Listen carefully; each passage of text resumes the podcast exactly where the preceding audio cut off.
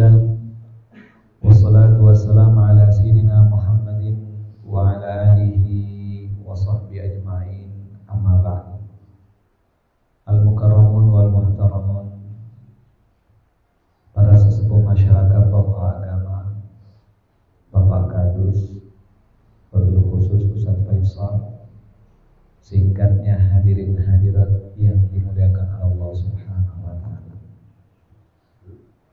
Pertama-tama bersyukur pada Allah Subhanahu wa taala pada sore hari ini kita diberikan kesempatan yang begitu besar dan begitu agung yaitu kita hadir dalam pengajian yaitu setiap satu pekan sekali di musola yang kita cintai. Terlebih kita masuk atau menuntut ilmu di bulan suci Ramadan.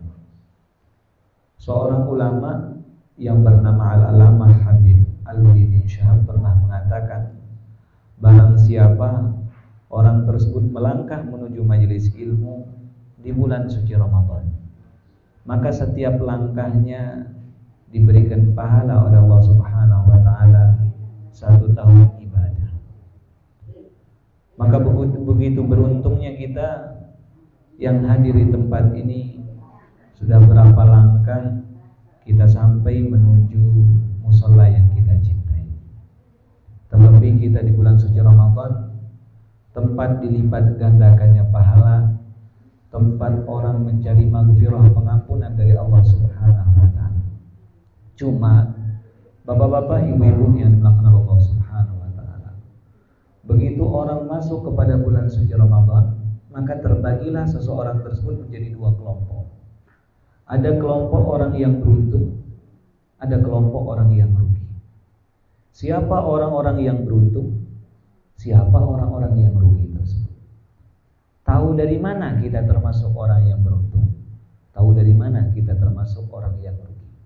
Apakah ada ciri-cirinya atau tanda-tandanya kita termasuk orang yang beruntung masuk ke bulan suci Ramadan dan keluar dari bulan suci Ramadan termasuk orang yang beruntung dan kita termasuk orang yang rugi apa tidak? Maka setiap orang masuk kepada bulan suci Ramadan dia langsung otomatis terbagi menjadi dua kelompok. Makanya Nabi Muhammad SAW mengatakan di dalam suatu hadis, "Kam min sha'imin laisa lahu min siyami illa wal atash." Berapa banyak orang yang puasa Baik itu puasa Senin Kemis Lebih-lebih puasa Ramadan Mereka ini tidak mendapatkan ganjaran dari puasa mereka Tidak mendapatkan pahala dari puasa mereka Tidak mendapatkan upah dari puasa mereka Kecuali yang dia dapati Lapar dan dahaga Sungguh rugi seseorang ini Yang dia dapati Hanya lapar dan dahaga Tapi yang anehnya bukan lapar dan dahaga puasa sunnah, tapi puasa wajib. Setiap orang mengerjakan kewajiban, perlu hati-hati mengerjakan kewajiban tersebut. Karena kewajibanlah yang ditanya sama Allah, bukan yang sunnah. Kita tidak mungkin ditanya sama Allah di akhirat, Pak, Bu, kenapa lewat puasa, lewat Senin dan lewat Kamis gak puasa Senin Kamis? Gak ditanya kita. Kita tidak ditanya sama Allah, Kenapa kita nggak sholat qobliyah subuh tadi pagi? Kita tidak ditanya sama Allah kenapa tidak sholat qobliyah asar tadi. Tapi yang ditanya, apabila kewajiban kita cacat, kewajiban kita rusak, kewajiban kita ditolak, itu yang ditanya sama Allah. Apabila kewajiban-kewajiban tersebut ditolak oleh Allah, maka perlu tanda tanya di sana. Apa yang menyebabkan kewajiban kita ditolak? Kalau sudah ditolak, berarti ada ancaman, ada hukuman di dalamnya. Jelas apa tidak? Nah, sekarang kita masuk kepada kewajiban kita, yaitu kewajiban puasa kita. Di dalam kewajiban ada kewajiban. Di dalam kewajiban ada apa? Kewajiban. Nah, Bapak-bapak, ibu-ibu yang dilakukan Allah Subhanahu wa taala, Rasul mengatakan banyak orang yang puasa tidak mendapatkan dari puasa mereka ganjaran upah kecuali lapar dan dahaga saja. Yang seharusnya di bulan Ramadan dia tambah mendekat kepada Allah, tapi ini aneh, tambah menjauh dari Allah Subhanahu wa taala. Yang seharusnya dia tambah banyak pahala di bulan suci Ramadan, ini tambah buat murkanya Allah Subhanahu wa taala di bulan suci apa? Ramadan. Makanya setiap kita masuk ke bulan suci Ramadan perlu hati-hati karena kenapa? Di dalamnya ada kewajiban kita. Berbeda dengan hal yang sunnah. Lalu apa manfaat daripada sunnah? Kita ngerjakan sholat duhur, ada ba'diyah, ada qobliyah. Apa manfaat ba'diyah qobliyah ini? Yaitu menambal kekurangan di dalam sholat kita. Kalau kewajibannya sudah ditolak, apa yang mau ditambal? Jelas apa tidak? Apa yang ditambal di sini misal sunnah kita apa wajibnya kita kurang khusyuk, banyak pikirin sesuatu atau kurang di sininya atau kita tidak membaca sesuatu di sana atau ngerjakan yang makruh di dalamnya. Dengan ada ba'diyah qobliyah yang tadi nilai sholat kita ada yang 50%, 70%, 30% bertambah dengan adanya yang sun, sunnah. Sekarang ini kita lagi ngerjakan kewajiban yaitu puasa apa? Ramadan. Berapa banyak orang yang puasa Ramadan, mohon maaf Bapak Ibu, masih taruhan. Masih main judi. Puasanya batal apa enggak Pak Ustaz? Enggak batal. Di dalam sembilan hal yang membatalkan puasa, tidak ada tertulis bahwa dari sembilan tersebut tidak ada yang tertulis di sana orang yang main judi batal puasanya. Betul? Tetapi di dalam hal yang diterimanya puasa kita tertulis judi menolak puasa kita diterima sama Allah. Berapa banyak orang yang puasanya pagi memang sudah berbuka malam hari main bola di pinggir jalan. Sepi jalan, buka baju, nggak ada orang jalan, buka gawang di sana, taruhan. Entah itu taruhan lari, entah itu taruhan main bola, kalau di Mataram sekarang lagi maraknya taruhan balap motor di bulan suci Ramadan. Dia menyangka apa yang dia sangka Ramadan hanya pagi sampai terbenam matahari. Malam tidak terhitung Ramadan. Kita boleh makan. Dia nyangka makannya itu menghentikan Ramadannya dia. Bukan. Malam itu ada sangkut paut dengan pagi. Justru malamlah tempat dianjurkan dihidupkan malam itu isi Ramadan dengan ibadah. Makanya di sana ada terawih, makanya di sana ada tadarus Quran, makanya di sana ada berbuka puasa. Banyak amalan puasa tersebut lebih banyak malamnya ketimbang di pagi hari. Betul apa tidak itu? Maka ini ada sangkut pautnya. Makanya Rasulullah SAW begitu naik di atas mimbar, begitu beliau naik di atas mimbar, beliau mengucapkan kata amin. Yang pertama, habis itu naik tangga kedua, mengucapkan amin. Tangga ketiga, beliau mengucapkan amin. Selepas daripada mimbar beliau, ditanya sama sahabat Nabi. Salah seorang memajukan diri beliau. Ya Rasulullah, apa gerangan kau mengucapkan amin tadi naik di atas mimbar? Kok biasanya tidak seperti ini? Apa kata Rasul? Baru saja malaikat Jibril alaihissalam turun kepadaku berdoa minta diaminkan doanya. Apa isi doanya ya Rasul? Akhbir nih kabarkan kepada kami.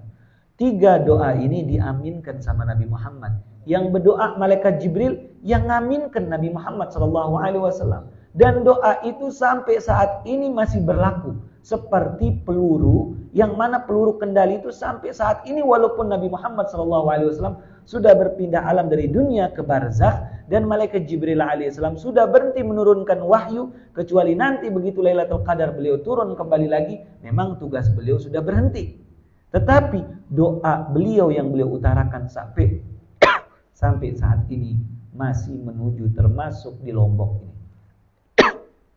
Bukan hanya di tempat kita, di Ampenan pun ada yang dapat doanya. Di Mataram pun ada yang dapat doa tersebut. Di Lombok Barat ada yang dapat, di Lombok Tengah ada yang kena doanya. Di Lombok Timur ada yang terkena. Di Jawa ada, di Indonesia ada. Bahkan di seluruh dunia doa malaikat Jibril sampai hari kiamat masih berlaku. Apa isi doanya tersebut? Tiga doanya, salah satunya tentang Ramadan. Apa kata malaikat Jibril? Rogifa'an furojulin. Sungguh celaka bagi seseorang. Rogifa'an furojulin. Sungguh rugi bagi seseorang. Rogifa'an furojulin. Sungguh binasa bagi seseorang. Apa itu? Man adraka Ramadan. Yang berjumpa dengan bulan suci Ramadan. Ternyata ada doa kecelakaan di sini. Ada doa kerugian. Doa, doa kebinasaan Siapa itu? Man adraka Ramadan. Mereka yang berjumpa dengan bulan suci Ramadan. Lalu berlalu hari Ramadan tersebut ketika keluar dari bulan suci Ramadan. Falam yughfarlah. Tapi tidak mendapatkan pengampunan dari Allah daripada dosa-dosa mereka. Subhanallah. Sungguh dia dikatakan orang yang apa? Celaka. Apa kata Rasul? Amin. Apa arti amin? Kabulkan wahai Allah. Semoga dia termasuk orang yang celaka. Subhanallah. Doa malaikat Jibril, Rasul nyambut langsung bilang apa? Amin. Jangan sampai doa itu kesasar ke kita. Jangan sampai ke tempat istri kita. Jangan sampai ke anak-anak kita. Minimal kita menjaga keluarga dan murid kita. Apa penyebab doa itu nyasar ke kita? Yang pertama kali, yang pertama kali al-lisan. Apa? Lisan. Ketika kita terkena doa tersebut, sebab pertamanya adalah apa? Lisan. Lisan ini bahaya buat puasa kita. Dari lima yang menghapus pahala puasa, empat keluar dari lisan. Yang menghapus pahala puasa jadi anjlok, dia ngapus dirinya otomatis empat hal keluar dari lisan. Yang pertama al-kadzib, bohong. Yang kedua namimah, ngadu domba. Yang ketiga al-ghibah, gibahin orang, gunjingin orang, ngerasanin orang, jelekin orang. Yang keempat kaulazur, berkata-kata kotor, berkata-kata keji, berkata-kata yang di kebun binatang. Empat keluar dari apa? Lisan. Nabi Muhammad Shallallahu Alaihi Wasallam contoh Contoh kita, jelas? Nabi Muhammad imam kita, betul apa tidak? Nabi Muhammad idola kita, betul apa tidak? Nabi Muhammad panutan kita. Kalau kita bisa meniru salah satu dikit dari sifatnya Rasul, itu kita tergolong umatnya Nabi Muhammad SAW. Nabi Muhammad dari kecil sampai beliau meninggal tidak pernah berbohong sedikit pun. Tetapi yang anehnya Rasul mendapat gelar Al-Amin itu bukan dari baru lahir. Beliau dapat gelar di umur 20 tahun ke atas, gelar Al-Amin. Apa arti Al-Amin? Kita sering dengar Al-Amin. Apa Al-Amin? Orang yang paling amanah, orang yang paling jujur, orang yang paling tidak pernah berkhianat sedikit pun. Dan Rasul dapat gelar Al-Amin ini dari musuhnya, bukan daripada orang Islam. Kalau kita dapat gelar dari teman sekampung kita, dari teman akrab kita, itu wajar. Misal kita berteman akrab tiga orang nih. Teman akrab dia, dia saja teman kita duduk nih. Masya Allah, Habib Husin duduk depan. Duduk depan lah. Duduk depan. Duduk depan. Duduk depan. Masya. Sampai mana lupa kita. Dapat gelar apa? Al-Amin. Nabi Muhammad SAW dapat gelar apa? Al-Amin, orang yang paling jujur. Kalau kita punya teman akrab tiga orang, pertanyaannya tiga orang. Tiba-tiba, jelas? Kita punya teman akrab tiga orang, tiba-tiba diambil satu bertanya tentang kita. Kita ditanya diambil teman kita. Bagaimana sifat kita ditanya sama orang tersebut? Diambil teman kita satu. Insya Allah teman akrab kita akan memuji kita. Betul apa tidak itu? Karena teman akrab kita. Makanya kalau ada kejelekan keluar dari teman akrab kita, berarti kita benar-benar jelek. Jelas? Kalau ada keburukan keluar dari teman akrab kita, maksudnya keburukan tentang sifat kita, berarti kita benar-benar buruk. Jelas? Tapi ini aneh. Nabi Muhammad SAW keluar gelar Al-Amin ini bukan dari orang Mekah, bukan dari orang kampungnya. Keluarnya dari luar kota Mekah. Orang lain yang memberikan gelar. Bahkan dia bukan dari pengikutnya Nabi Muhammad sallallahu alaihi. Nabi Muhammad wasallam, beliau ini dari kecil sampai umur 20 tahun pengembala kami. Begitu 20 tahun ke atas beliau berbisnis. Ini salah satu masukan bagi anak-anak muda.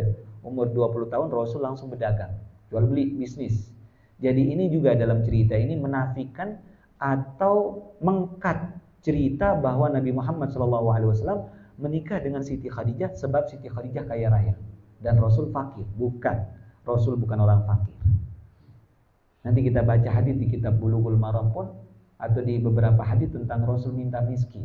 minta fa fakir. Yang ngejawab itu Siti Aisyah, bukan Siti Khadijah. Yang bertanya, kenapa engkau minta fakir ya Rasul? Bukan Siti Khadijah. Berarti Siti Khadijah udah nggak ada di sana. Buktinya apa? Rasul pada saat tersebut berdagang di salah satu pasar di kota Mekah. Umur 20 tahun ke atas. Ngambil barang orang, pada saat tersebut dijualin.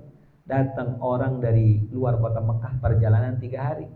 Tiba-tiba belanja di Nabi Muhammad SAW. Begitu belanja, belanja pada saat tersebut diambilin barangnya. Kata orang ini mengatakan Muhammad nanti saya ambil barang saya setelah saya tawaf. Dan ini orang tawafnya sebagaimana tawaf jahiliyah. Begitu dia tawaf tujuh kali putaran di samping Ka'bah ada 360 berhala. Dan kebiasaan mereka kalau tawaf kadangkala saling siul-siul kadang kala yaitu sambil tepuk tangan. Dan sebagian mereka urian. Apa maksudnya urian? Kadang-kadang nggak pakai pakaian mereka telanjang. Begitu tawaf pada saat tersebut, mohon maaf, begitu tawaf, ini orang yang belanja di Nabi Muhammad lupa barangnya. Pulang ke kampungnya perjalanan berapa hari? Tiga hari. Begitu sampai di kampungnya baru ingat di rumahnya. Insya Allah, lupaan barang. Kata. Balik langsung ambil kudanya. Perjalanan berapa hari? Berapa hari jadinya? Enam hari. Begitu sampai ke tempat pasar tersebut, dia dapat di Nabi Muhammad dengan posisi yang sama. Posisi yang sama dia dapati. Pertanyaan yang keluar pertama kali, barangnya di depannya, Nabi Muhammad dalam posisi yang sama, keluar pertanyaan di sini. Apa pertanyaannya? Ya Muhammad, apakah engkau posisi ini, seperti ini selama enam hari? Naam, katanya Rasul. Iya, seperti ini. Karena perjanjian saya sama engkau, begitu habis tawaf, engkau datang ke sini. Saya nunggu, saya tidak pernah berpindah-pindah dari tempat. Enam hari. Maka itulah yang menyebabkan berita Nabi Muhammad masyhur berita Nabi Muhammad viral, cerita tersebut dijulukin Nabi Muhammad Al-Amin. Langsung orang-orang di luar kota Mekah belanjanya kepada Nabi Muhammad SAW. Dijulukin apa? Al-Amin. Dan Nabi Muhammad berdagang pada waktu tersebut sampai jadi orang besar pada saat tersebut dan menikah dengan Siti Khadijah. Mahar beliau dengan Siti Khadijah 100 ekor onta. Beliau bayar umur 25 tahun. Belum acaranya. Ini yang menafikan bahwa Nabi Muhammad fakir. Bukan Nabi Muhammad fakir. Tapi Nabi Muhammad yang meminta fakir. Beliau yang ingin fakir. Makanya di, di dalam hadis tersebut, Siti Aisyah lah yang bertanya, kenapa engkau minta miskin ya Rasulullah? Beliau mengatakan, saya senang, yaitu makan sehari, apa kenyang sehari supaya saya menjadi orang yang sabar dan orang apa? Yang bersyukur. Kalau menikah dengan Siti Khadijah, beliau berada sangat-sangat ber, berada Nabi Muhammad Shallallahu Alaihi Wasallam. Tapi Rasulullah Shallallahu Alaihi Wasallam beliau punya kebiasaan tidak pernah apa bohong, amanah. Sekarang berapa banyak, mohon maaf bapak ibu, di dalam bab peternakan saja kita taruh tadi begitu saya lewat tadi di gang, saya lihat sapi tadi di Mataram atau di Ampenan atau di bagian Lombok Barat punya kebiasaan titip sapi Titip sapi kalau anak pertama milik siapa? Pengembala. Itu aturan di sana, tahu aturan di sini. Sama? Iya. Di sana begitu aturannya. Setiap kita titip sapi perempuan, beda sama titip sapi laki. Titip sapi perempuan, kalau beranak anak pertama punya pengembala. Nanti anak kedua baru punya apa? Pemilik. Tapi aneh, begitu dititip sapi ini gemuk. Tahun pertama ngelahirin, Tahun kedua kurus, anaknya mati. Pas giliran mau dikasih apa? Pemilik. Nggak punya bagian terus. Sakit hati ini pemilik, pemiliknya jual tuh sapi. Begitu dijual ibu sapi, nanti untungnya dibagi dua. Betul apa tidak seperti itu? Misal harga sapi yang dia beli 6 juta, lalu lakunya 8 juta, berarti untungnya cuma 2 juta. 6 jutanya lari ke pemilik, sejuta sama sama sejuta. Seperti itu pembagiannya. Tapi anehnya apa? Udah untung besar. Siapa yang untung besar? Pengembalanya. Tapi Nabi Muhammad Shallallahu Alaihi Wasallam begitu beliau hijrah dari Mekah menuju Madinah, beliau panggil Sayyidina Ali karamallahu wajah untuk menggantikan posisi beliau. Beliau berpesan, ini ada barang fulan, ini ada kambing fulan, ini ada ternak fulan, ini ada seperti ini barang fulan. Siapa fulan-fulan yang disebut sama Nabi Muhammad? Salah satu mereka adalah yang niat bunuh Nabi Muhammad Shallallahu Alaihi Wasallam. Subhanallah, musuh pun nitip barang ke Nabi Muhammad. Muhammad Tapi kita sekarang, kita sama saudara minjem uang, minjem duitnya tidak dikasih. Saking kita ditahu, sering apa? Berbohong. Betul apa tidak itu? Seperti itu. Karena kita nggak amanah. Kadangkala kita diantarkan makanan saja sama tetangga nih. Kita diantarin makanan sama tetangga. Satu nampan ada piring, piringnya nggak balik-balik sampai sekarang. Betul apa tidak itu? Nggak balik-balik sampai sekarang. Berapa banyak piring orang di rumah kita? Berapa banyak kita pakai daster orang masih kreditan yang nggak selesai-selesai sampai sekarang. Betul apa tidak? Banyak seperti itu. Kita pinjam baju orang, sampai sekarang nggak dibalik-balik.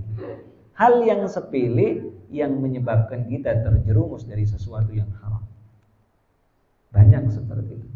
Makanya sifatnya Rasul adalah salah satunya al-amin, orang yang paling jujur, amanah dan jujur.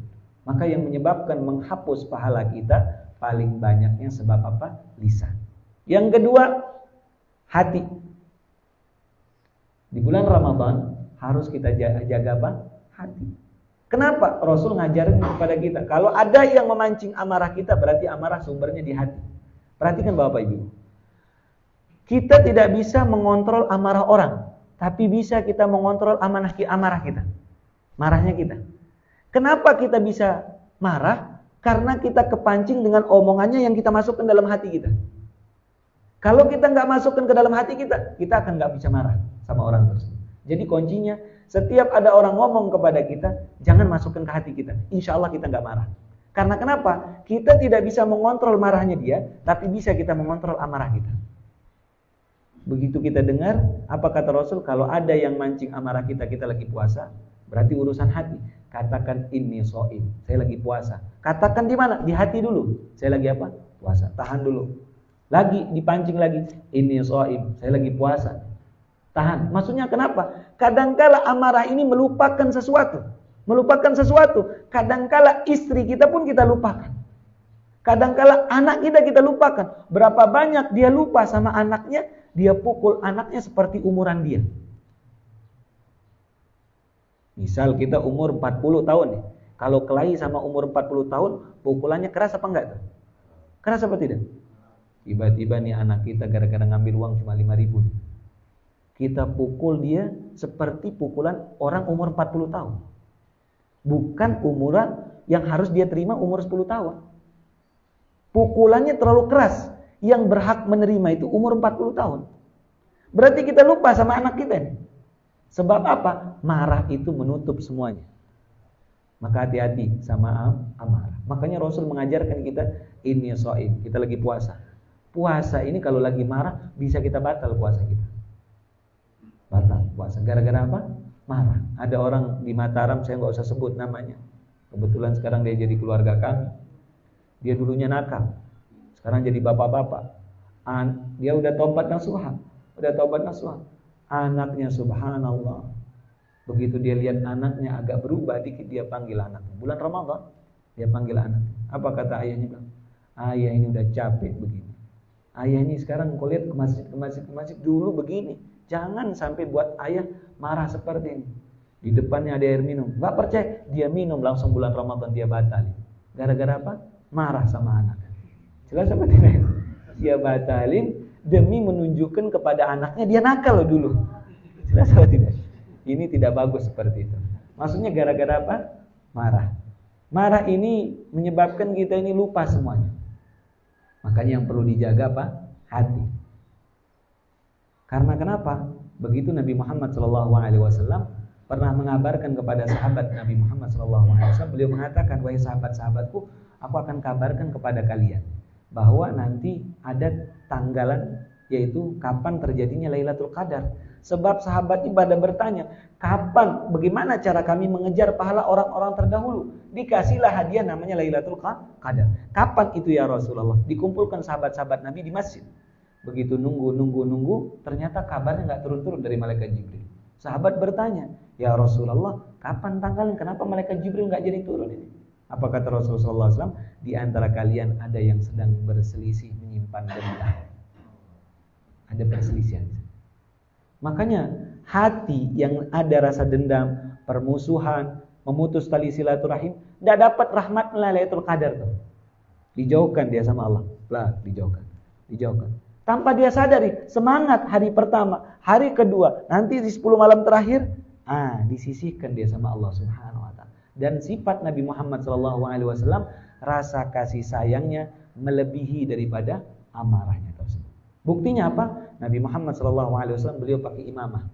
Imamah sunnah, pakai imamah di atas kepala. Jelas? Pakai apa? Imamah. Kalau yang tutup pakai seperti ini, ada kayak pernah kerudung-kerudung tuh. Kalau orang khutbah, pernah lihat apa tidak? Itu namanya kutroh. Cuma bapak-bapaknya jangan dikancing. Kurang bagus kalau dikancing. Nah, dikancing itu gak bagus. Nah, bapak ibu-ibu yang melakukan Allah Subhanahu wa taala, Rasul pakai apa namanya?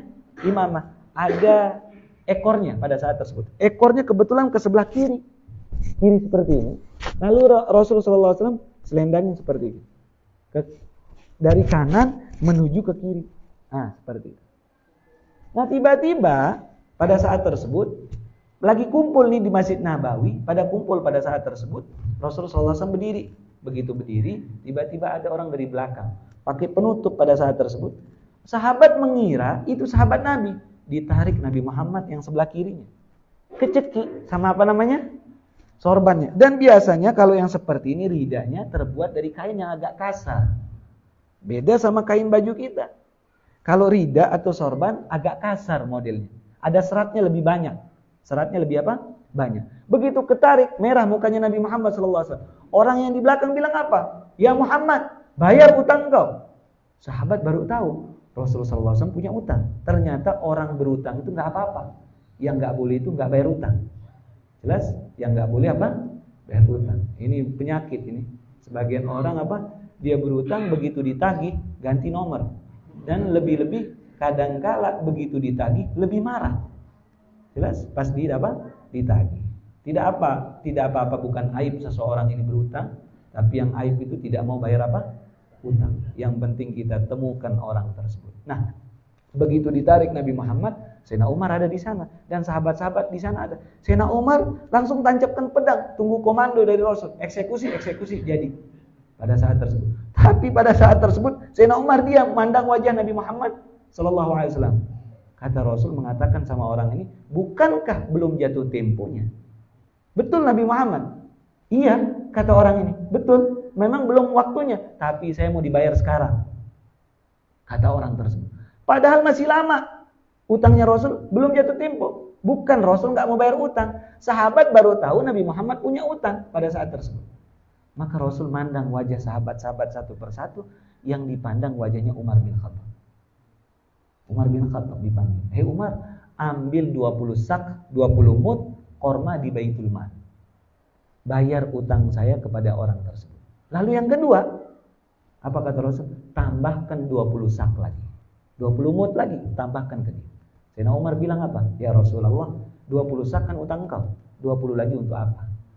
Kok lebih dibayarnya? Tuh, kasih sayangnya Nabi seperti itu. Diajarkan Sayyidina Umar ini sama Rasul. Apa diajarkan? 20 sak lagi yang utang tersebut, lebihnya itu gara-gara engkau menakuti dia. Subhanallah. Orang ini takut gara-gara lihat Sayyidina Umar dibalas sama Rasul ke kebaikan. Coba. Kadang kita sekarang nagih utang bawa orang. Betul? Kalau zaman Rasul itu balik lebih kita. Jelas? Maksudnya balik apa? Lebih yang 20 juta jadi 40 juta kalau bawa orang. Kalau yang kita tagih zamannya nah, Nabi orang-orang Islam zaman dulu. Tapi Rasul bukan nggak membayar utang. Maka berangkat Sayyidina Umar diikutin sama orang ini berdua, dibuntutin pada saat tersebut. Diambil sama Sayyidina Umar. Begitu diambil, satu, dua. Orang ini ajak ngobrol Sayyidina Umar. Sambil Sayyidina Umar ngambil korma itu. Orang ini bilang apa sama Sayyidina Umar? Ya Umar, apakah engkau tidak tahu siapa saya? Kata Umar mengatakan Sayyidina Umar bilang apa? Saya nggak perlu tahu engkau. Sakit hati Sayyidina Umar. Gara-gara dia dia dimarahin. Sayyidina Umar diambilin lagi. Ini 20 sak lagi. Saya ambilin 20 sak lagi. Orang ini bilang lagi, apakah engkau tidak tahu saya siapa? Saya tidak perlu engkau, saya tidak perlu tahu engkau siapa. Kata Sayyidina Umar. Jangan kau bayar 20 sak ini kata orang tersebut. Tidak, ini perintahnya Nabi Muhammad SAW, Nabi saya. Ini engkau tidak dengar tadi.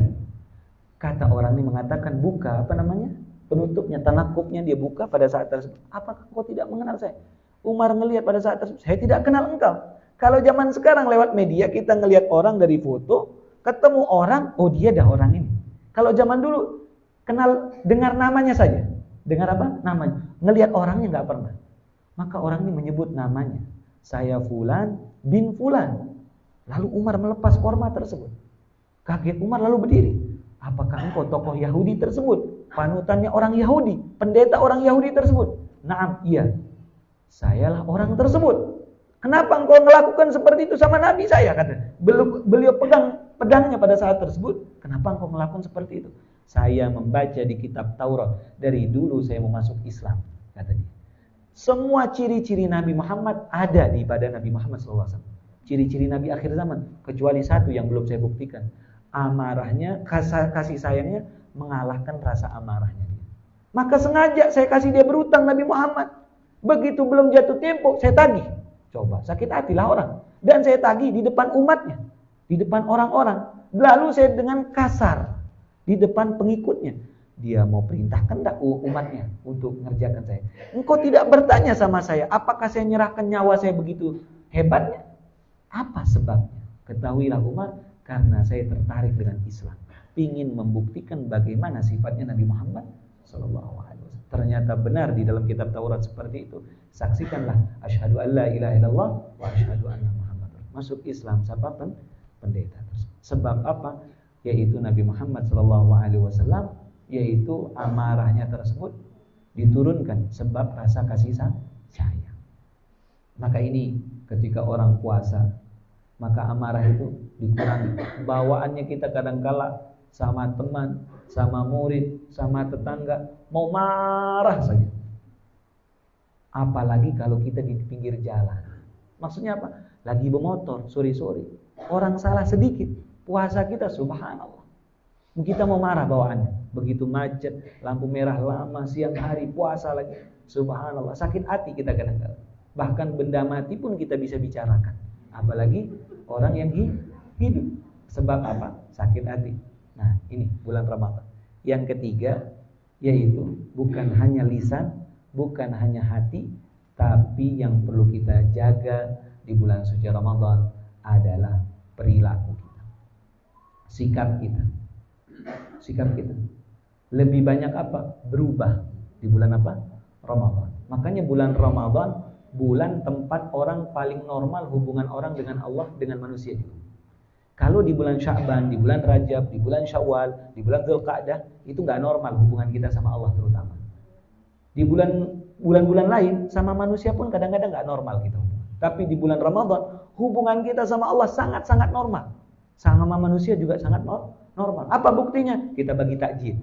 Berjumpa di terawih, berjumpa di tadarus, orang nganter ini. Bahkan teman-teman kita, sahabat yang kita nggak ingat, kita mau nganterkan dia sarung. Kita mau antarkan dia baju muslim. Kita mau antarkan dia korma. Yang kita nggak ingat jadi ingat sebab lapar. Ini kehebatan daripada apa? Puasa Ramadan. Nah, puasa Ramadan ini diatur lagi perilaku kita. Jangan sampai ada yang apa? Kesalahan. Supaya kenapa? Target daripada bulan Ramadan ini begitu kita keluar mendapatkan pengampunan dari Allah, Allah Subhanahu Lalu pertanyaannya, apa ciri-ciri orang yang mendapatkan pengampunan dari Allah di bulan suci Ramadan? Ketika keluar daripada bulan Ramadan, itu ada salah satu ngekor sifat Ramadan. Kalau kita masuk sawah, begitu kita masuk sawah, pulang ke rumah kita ada buktinya kita masuk sawah, sendal kita kotor. Betul apa tidak itu? Begitu kita masuk pemakaman, minimal-minimal duduknya itu ada bekas debu. Ada tandanya.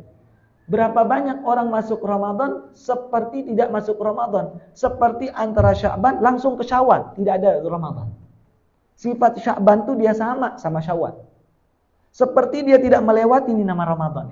Nah, orang yang berhasil daripada Ramadan adalah begitu dia masuk Sya'ban terus menuju Ramadan, begitu keluar dari Ramadan ada ngekor salah satu sifat Ramadan itu. Di bulan apa? Di bulan Syawal. Entah itu puasanya bukan puasa Ramadan, tapi satu hari aja dia puasa Senin Kemis. Senin aja dia ngambil, Senin, Senin, Senin. Saya nggak mau puasanya Pak Ustaz, mau terawihnya. Kan nggak ada terawih. Qiyamul lail ganti dua rakaat. Saya nggak mau terawihnya, tadarus Qur'annya satu ain saja sehari. Karena kenapa? Hari kata Imam Nawawi rahimahullah taala dalam kitab At-Tibyan, hari di mana seorang hamba dengan Allah tidak baca Quran, hari itu dia terputus hubungannya dengan Allah. Nggak ada hubungan. Coba bayangin nih.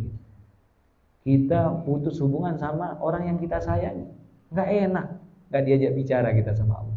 Hari di mana kita tidak tidak baca Quran adalah hari di mana kita terputus hubungan kita sama Allah. Baca Quran apa ini? Bukan di dalam sholat. Kalau dalam sholat pasti kita baca Quran. Maksudnya fi ghairi sholat. Di bukan apa namanya? Di luar apa? Sholat. Entah kita mau bawa Qurannya atau sodakohnya setiap hari Jumat atau apa saja. Nah, mumpung ada ini di majelis At-Taubah, tinggal bisikin ketua majelis At-Taubah, apakah ada program bagi takjil? Program apa? Terawih. Kebetulan ada terawih di Masjid An-Nur. Masjid An-Nur namanya? Musola. An-Nur. Nah, kita ke sana. Entah itu kita mau hadir 10 malam terakhir pas khataman atau kita mau hadir Bapak Ibu yaitu pas uh, keliling daripada uh, tahajudnya ikut terlibat di sana karena kenapa programnya baik kita nggak mau ikut misal Pak Ustadz saya nggak ikut uh, terawihnya Pak Ustadz saya satu malam sampai 28 terawih di kampung saya nggak apa-apa. Tapi di khataman hadir. Maka kita termasuk bagian daripada orang yang menghatamkan Quran. Dapat kita bagian. Padahal kita terawihnya cuma 1 sampai 28. 28-nya Allah di sini. Misal ini, nggak apa-apa, bukan aib, bukan apa, bukan aib. Tapi minimal kita terlibat di sana pas khatam Al-Quran, keciprat kita dapat bagian penghatam Al-Quran. Sampai kapan? Sampai witirnya. Kalau kita ngambil cuma sampai terawihnya, nggak dapat hatam Quran karena doanya pas habis witir. Nanti pas doanya bisa apa? Witir.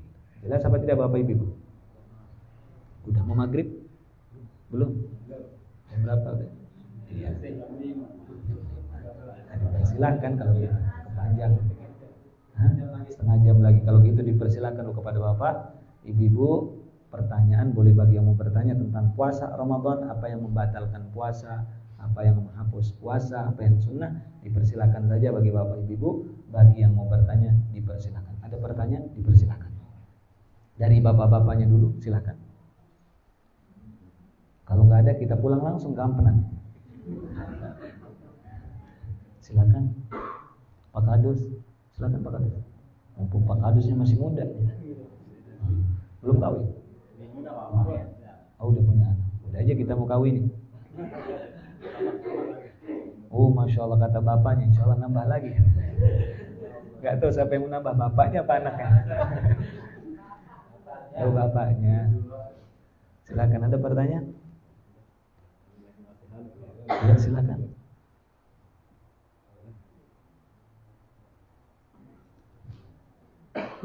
Dari pertanyaan di bawah Rupan Silakan Pak Ini mengenai baca Al-Quran tadi ada sementara pernah saya dengar ini agak melemahkan jadinya. Melemahkan? Ya artinya kalau kita baca-baca saja tanpa tahu maknanya itu percuma katanya. Jadi aduh, berat ini. Hmm. Gimana ini? Oh pertanyaannya Pak siapa namanya Pak? Pak Saipul. Dari mana Pak Saipul? Oh tetangga musola. Pak Saipul bertanya Pak Ustadz ini melemahkan saya. Jelas? Ketika orang baca Quran tidak tahu maknanya, katanya nggak dapat apa-apa. Bahkan yang termasuk yang bicara itu, pas sholat pun dia nggak tahu maknanya. Berarti dia nggak dapat pahala dari sholatnya, sesuai dengan ucapan dia. Betul apa tidak? Hampir semua, bukan satu Lombok, satu Indonesia, bahkan orang Malaysia, Singapura, bahkan orang-orang yang tidak mengerti bahasa Arab, semua mereka ketika baca Quran tidak tahu maknanya. Ketika kita sholat, sebagian besar orang yang ngerti paham maknanya cuma di Al-Fatihah saja. Begitu disuruh terjemahkan at-tahiyat nggak tahu. Begitu ruku, subhanallah azimi saja, apa artinya? Semua kita nggak ada yang tahu. Betul apa tidak itu? Nggak ada yang tahu. Pas kita tadarus Quran, berapa banyak orang hafal 30 juz, itu nggak tahu maknanya. Apakah dia tidak mendapatkan, yaitu besok di akhirat mendapatkan mahkota buat orang tuanya? Tetap dapat. Cuma bagi orang yang tahu maknanya lebih pahalanya, lebih tadabur, lebih khusyuk dia ketika membacanya. Jelas apa tidak? Orang yang membaca Quran satu huruf itu mendapatkan sepuluh rahmat. Tahu dan tidak tahu maknanya. Kalau tahu maknanya, lebih lagi diberikan sama Allah. Karena kenapa? Nilai yang paling rendah disebutkan sama Rasul. Alif lam mim bukan satu huruf. Alif satu huruf, lam satu huruf, mim satu huruf. Berarti 30. Itu berlaku hadis Rasul termasuk kita yang di tempat ini. Yang tidak ngerti alif lam mim, yang tidak ngerti bacaan Quran, tetap mendapatkan pahala 30 ketika membaca alif lam. Berarti mengerti makna itu nilai plusnya. Nilai apa? Plusnya. Bukan nilai menurunkan pahala kita. Gara-gara kita ngaji, nggak tahu maknanya. Berarti saya harus belajar bahasa Arab dong. Berarti saya harus belajar tafsir dong. Berarti saya harus belajar nahu dong. Berarti harus belajar sorot dong. Wajib bagi saya. Kapan saya mau bisa belajar baca Quran kalau begini-gini? Jelas apa tidak? Maka kita tetap dianjurkan membaca apa? Quran. Ucapan seperti itu jangan dimasukkan. Justru kita katakan sama dia, justru Bapak tetap harus membaca Quran. Karena rumah atau orang yang tidak pernah baca Quran kal baitil kharib kata Rasul seperti rumah hantu atau seperti banyak kotoran di dalam hatinya. Jadi cara nguras hati yang kotor itu atau rumah yang kotor itu caranya baca Quran di rumah baik tahu maknanya maupun tidak. Jelas apa tidak? Berapa banyak orang tadarus Quran nggak tahu maknanya. Cuma Bapak Ibu, ketika baca Quran harus ada adabnya. Ini yang perlu kita ketahui. Itu memang yang mengurangi nilai pahalanya. Kalau itu benar, kalau tidak beradab. Salah satunya membaca Quran, taruh Quran di bawah. Dia tadarus Quran, ah, misal kita baca Quran nih. Qurannya ditaruh di sini. Jelas? Miknya ditaruh sini, yang lain nyimakin, tapi Qurannya digeletakkan. Paham apa tidak itu? Ini tidak boleh. Ini menurunkan daripada nilainya. Nilai siapa? Orang yang membacanya. Bukan yang dia mendapatkan rahmat tapi tidak sesuai adabnya. Jelas? Yang kedua, membalik Al-Quran dengan air liur. Banyak orang tidak boleh. Jelas? Yang ketiga, Ketika ada orang tadarus Quran, tadarus Quran, yang satu baca Quran, yang sampingnya ngobrol. Tidak boleh. Kalau kita mau ngobrol di depan Quran, harus ditutup tuh Quran. Misal ada orang bicara, ngajak kita bicara.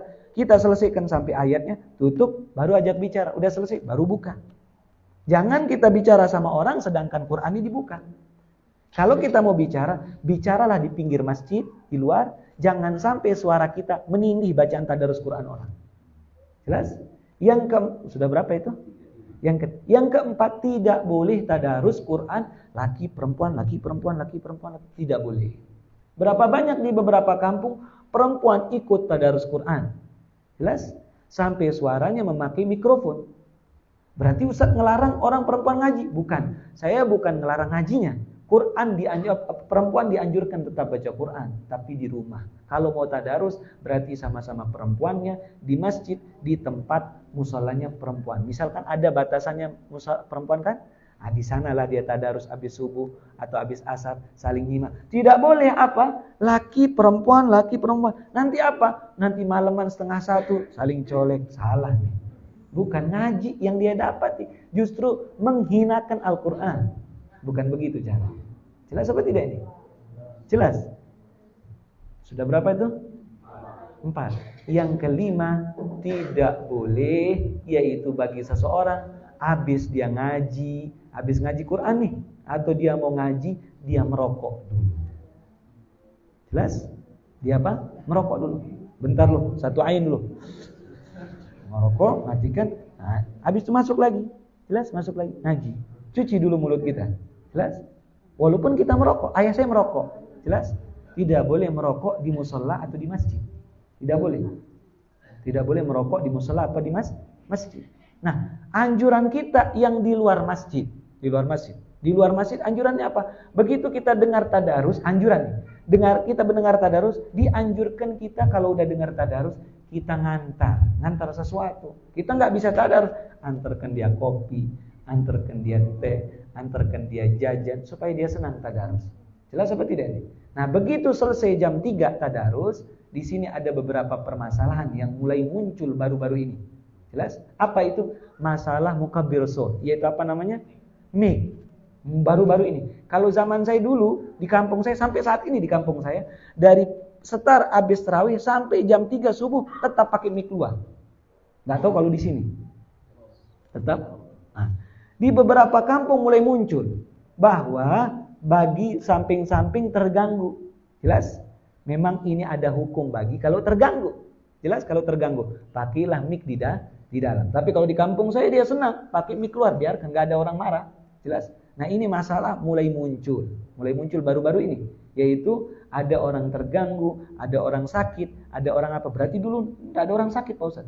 Ada orang sakit, cuma dia senang dengar Quran. Orang sakit sekarang nggak senang dengar Quran. Padahal orang sakit sehat dengar apa? Quran. Betul apa tidak? Dengar Quran itu seharusnya sehat. Betul, Pak? Iya. Nah, ini muncul seperti ini. Maka kita dianjurkan, apalagi yang jadi Pak Kadus, mohon maaf. Ah, mendengarkan apa masyarakat pakai mikrofon dalam karena tujuan kita ngaji itu bukan didengarkan untuk diri kita sendiri. Jelas seperti ini. Nah, kita pun kalau udah dengar tadarus, kita dengar tadarus nih, kita dianjurkan pun bermasyarakat sesekali naik. Jelas sesekali apa? Naik. Jangan orang itu itu aja yang ngaji.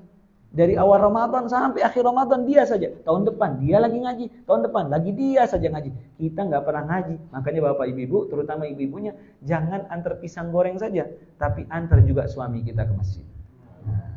bilang sama suaminya, saya bang tidak mau keluar dari gerbangnya sebelum sain saja dengar suara abang. Satu ain saja. Atau satu kaca baru kita pulang. Karena selama saya menikah, udah empat anak kita tidak pernah dengar suara abang. Abang pernah bisa ngaji apa tidak? Dulu saya hataman pas maulid masih kecil.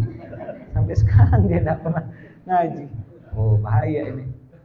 Jelas pak? Jadi tidak menurunkan kalau orang tidak paham apa namanya maknanya. Kalau yang tidak beradab dengan Quran, justru itu yang menurunkan daripada keutamaan dia membaca Quran. Berapa banyak orang baca Quran sekarang buka baju di rumahnya, Berapa banyak orang baca Quran nggak pakai wudhu. Nah ini menurunkan apa uh, adab atau pahala yang dia kerjakan daripada Quran tersebut. Jelas? Ada pertanyaan lagi? Silakan. Bapak-bapaknya dulu. Tidak ada? Silakan Pak. Siapa namanya Pak? Waalaikumsalam.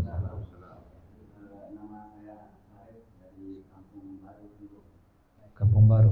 Ada kampung lama berarti.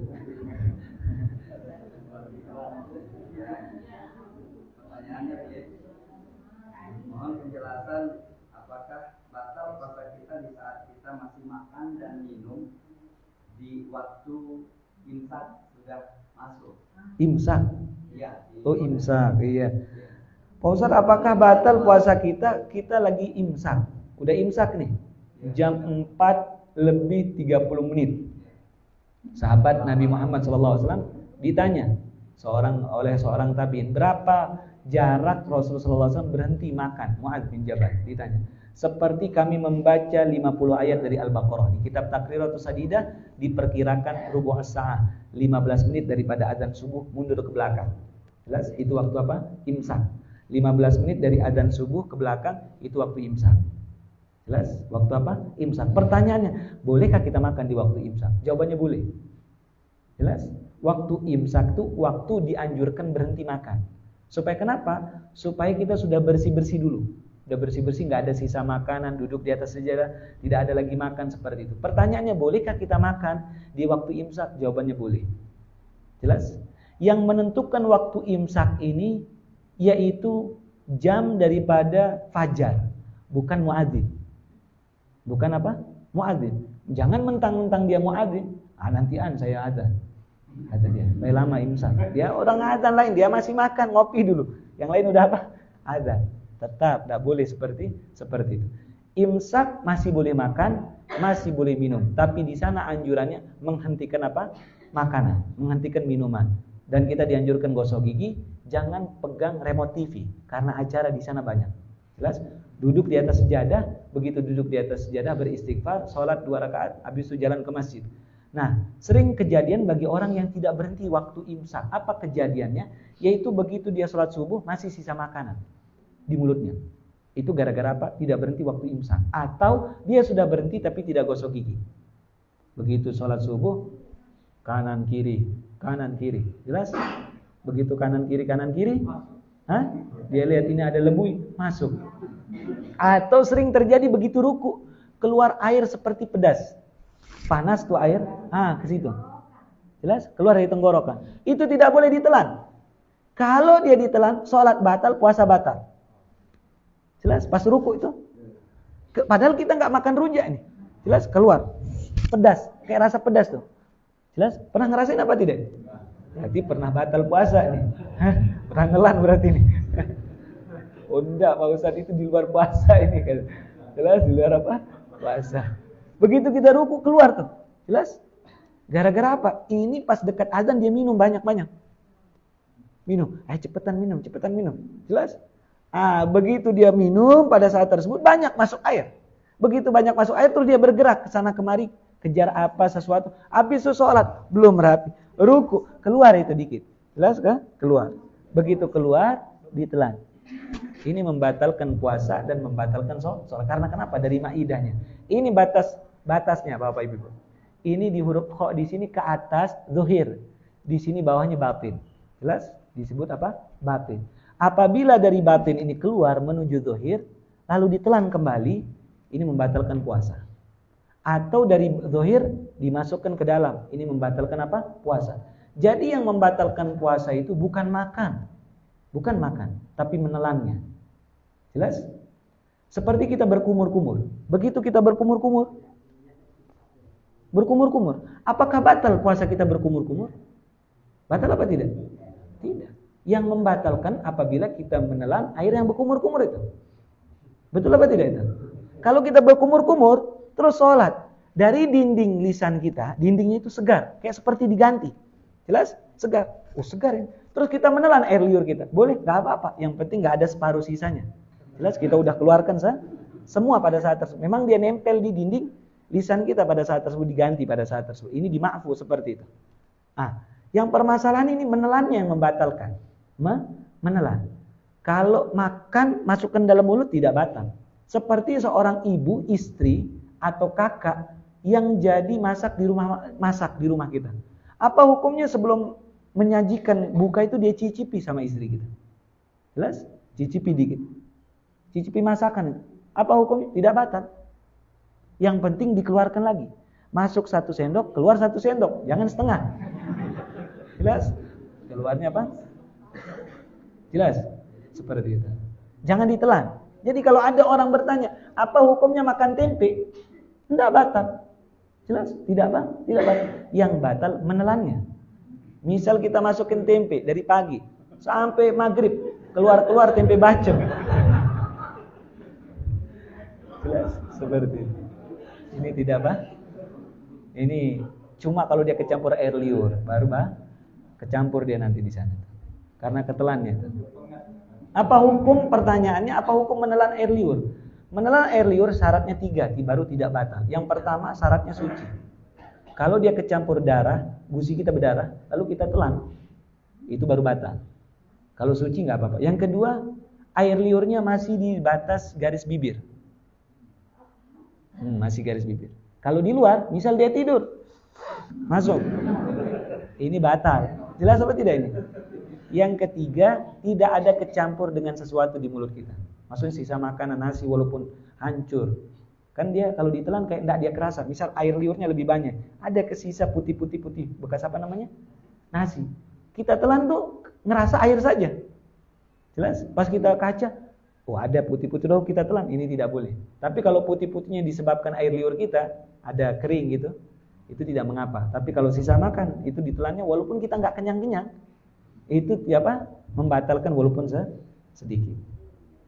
Jelas? Pak Saiful. Oh Pak Syarif. Ada pertanyaan lagi bapak-bapaknya dulu sebelum ibu-ibu? Tidak ada? Cukup ibu-ibu ada pertanyaan? Tidak ada? Cukup ya? Silakan Bu.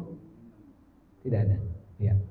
Termasuk juga Bapak Ibu yang membatalkan puasa memakai tusuk telinga. Cotton bud. Jelas?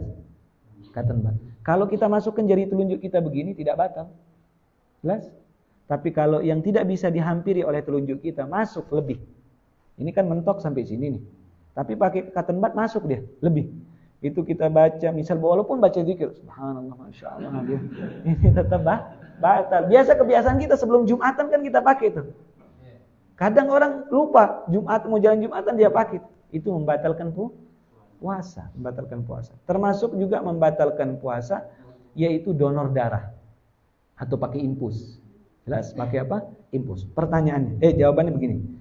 Kalau sesuatu yang keluar apa namanya? Keluar daripada urat besar. Ini urat besar Ibu. Di sini ada urat apa? Besar. Kalau dimasukkan ke urat besar, dimasukkan ke urat besar, baik memasukkan maupun mengeluarkan batalkan puasa. Mengeluarkan contohnya apa? Donor darah, mengeluarkan. Memasukkan apa? Seperti impus. Jelas seperti impus dimasukkan. Ini membatalkan puasa. Tapi kalau dari urat kecil dibagi menjadi dua bagian. Kalau dia buat kenyang, yang dimasukkan vitamin. Jelas vitamin buat dia tambah kuat, maksudnya tambah semangat. Walaupun dimasukkan ke sini. Ini kan urat kecil. Vitamin yang dimasukkan Ustaz. Hilang lapar saya. Jelas hilang apa? Lapar saya. Ini membatalkan puasa. Jelas. Tapi kalau tidak buat kenyang, dimasukin apa? Suntik KB. Jelas suntik KB. Entah itu di sini apa di sini. Ini tidak mengapa, tidak membatalkan apa? Puasa. Yang penting bukan di urat apa? Besar. Jelas apa tidak ini? Seperti itu. Ada amalan dari al-alama Habib Salim Asyafiri, kita dianjurkan setiap sahur itu kita dianjurkan membaca Lila fi Quraisy lila Ini menyebabkan kita tidak lapar dan tidak apa namanya haus ketika apa namanya puasa. Jelas? Tidak lapar dan tidak apa haus. Tapi bukan maksudnya tidak lapar sama sekali di sini Maksudnya tidak sangat lapar, tetap pasti lapar. Jelas? Cuma jangan kita mau tes-tes ini doa. Kalau saya mau tes baca liilah terus minum vitamin, tapi yang diminumnya vitaminnya salah. Vitamin lapar. Supaya banyak makan. Tetap tidak berpengaruh liilahnya nanti. Jelas? Ada pertanyaan lagi? Cukup ya? Cukup. Silakan. Udah. A'udzubillahi minasyaitonir rajim. Bismillahirrahmanirrahim. Alhamdulillahirabbil alamin. Allahumma shalli wa sallim ala sayyidina Muhammadin fil awwalin wal akhirin. Allahumma rzuqna fahman nabiy wa hifdzal mursalin. Surata ilhamul malaikatal muqarrabin. Allahumma aghnina bil ilmi wa zina bil hikmah بالتقوى وجميلا بالعافية يا أرحم الراحمين اللهم اغفر لنا ولوالدينا ولمشايخنا ومعلمينا ربنا آتنا في الدنيا حسنة وفي الآخرة حسنة وقنا عذاب النار صلى الله على سيدنا محمد وعلى آله وصحبه وسلم. والحمد لله رب العالمين. بسر الفاتحة.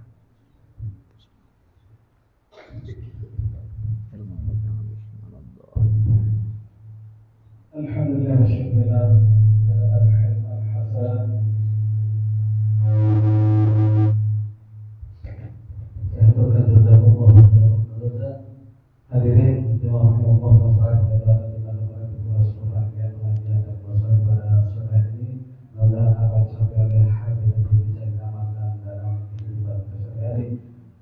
Untuk kebarukan itu